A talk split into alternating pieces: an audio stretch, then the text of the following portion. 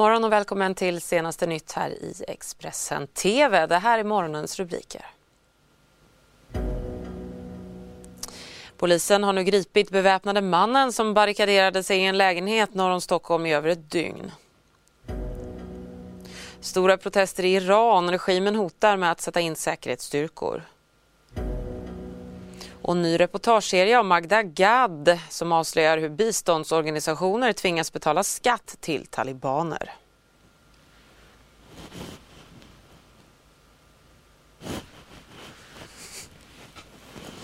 En massiv polisinsats med förhandlare och tungt beväpnad insatsstyrka pågick alltså i över ett dygn i Sundbyberg i norra Stockholm.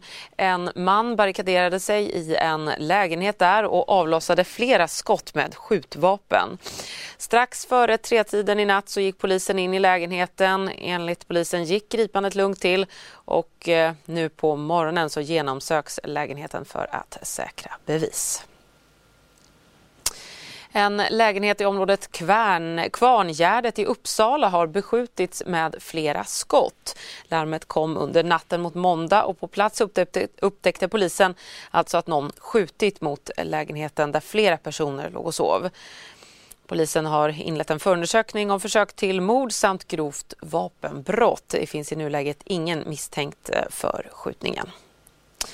Och ett radhus i Helsingborg har utsatts för ett sprängdåd i natt. Någon form av föremål kastades in genom ett fönster vilket orsakade en explosion. Två personer befann sig i huset men ingen skadades. Platsen är avspärrad och eh, ska undersökas av, eh, eller undersöks av nationella bombskyddet. Så utrikes. Eh, stora protester har sedan i fredags skakat Iran.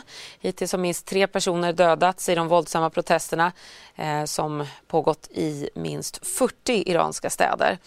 Orsaken till protesterna är de eh, dubblerade bensinpriserna och eh, beslutet om alltså att införa ransoneringsslut. Eh, landets högsta ledare ayatollah Ali Khamenei försvarade under ett tal i helgen åtgärderna och fördömde samtidigt demonstranterna och eh, att de vid flera tillfällen använt våld. Och nu hotar, hotar regimen att sätta in säkerhetsstyrkor om protesterna inte lugnar ner sig. CNNs Fred eh, Pledgen rapporterar. Violent protests in many parts of Iran. About a five hour drive south of Tehran in Isfahan, flames rage at a branch of the Sadarat Bank. A similar picture in Kharamabad, near the border with Iraq, as Iranians faced with high unemployment and a crumbling economy take to the streets. In the capital Tehran, this social media video purports to show protesters screaming, Death to the dictator, death to Rouhani, Iran's president.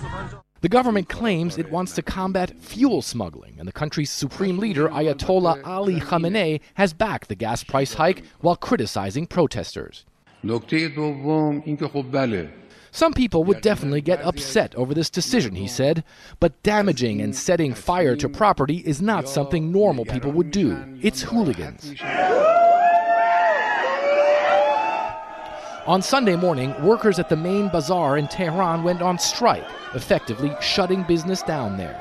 But the merchants have been suffering for months since the Trump administration has pulled out of the Iran nuclear agreement and hit Iran with wave after wave of crippling sanctions. Iran's government says it will remain steadfast and initiated what it calls a resistance economy, an effort to become more self sustained. But while Iran's government says outside forces are fanning these new protests, many Iranians suffering under high unemployment have very little hopes that things could improve anytime soon. Fred Pleitgen, CNN, Moscow. Expressens prisbelönta reporter Magda Gad har granskat hur hjälporganisationer tvingas finansiera talibaner. I dokumentären Bistånd i skottlinjen tittar hon närmare på hur svenska och internationella hjälporganisationer står för samhällsservicen i områden som kontrolleras av talibaner och hur de tvingas betala en typ av skatt till denna väpnade islamistiska rörelse.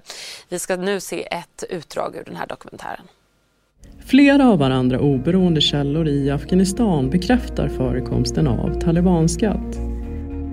De beskriver talibanernas skattesystem som väldigt välutvecklat.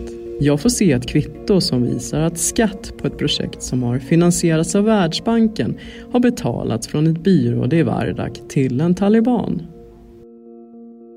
De här kvittona skrivs för hand för att de ska kunna hållas undan bokföringen. Eftersom att skatt till talibaner rent tekniskt kan klassas som terrorfinansiering enligt rådande lag. Ett poddtips från Podplay. I podden Något Kaiko garanterar östgötarna Brutti och jag, Davva, dig en stor dos skratt. Där följer jag pladask för köttätandet igen. Man är lite som en jävla vampyr. Man har fått lite blodsmak och då måste man ha mer. Udda spaningar, fängslande anekdoter och en och annan arg rant. Jag måste ha mitt kaffe på morgonen för annars är jag ingen trevlig människa. Då är du ingen trevlig människa, punkt. Något Kaiko, hör du på Podplay. Därför arkadeinerna.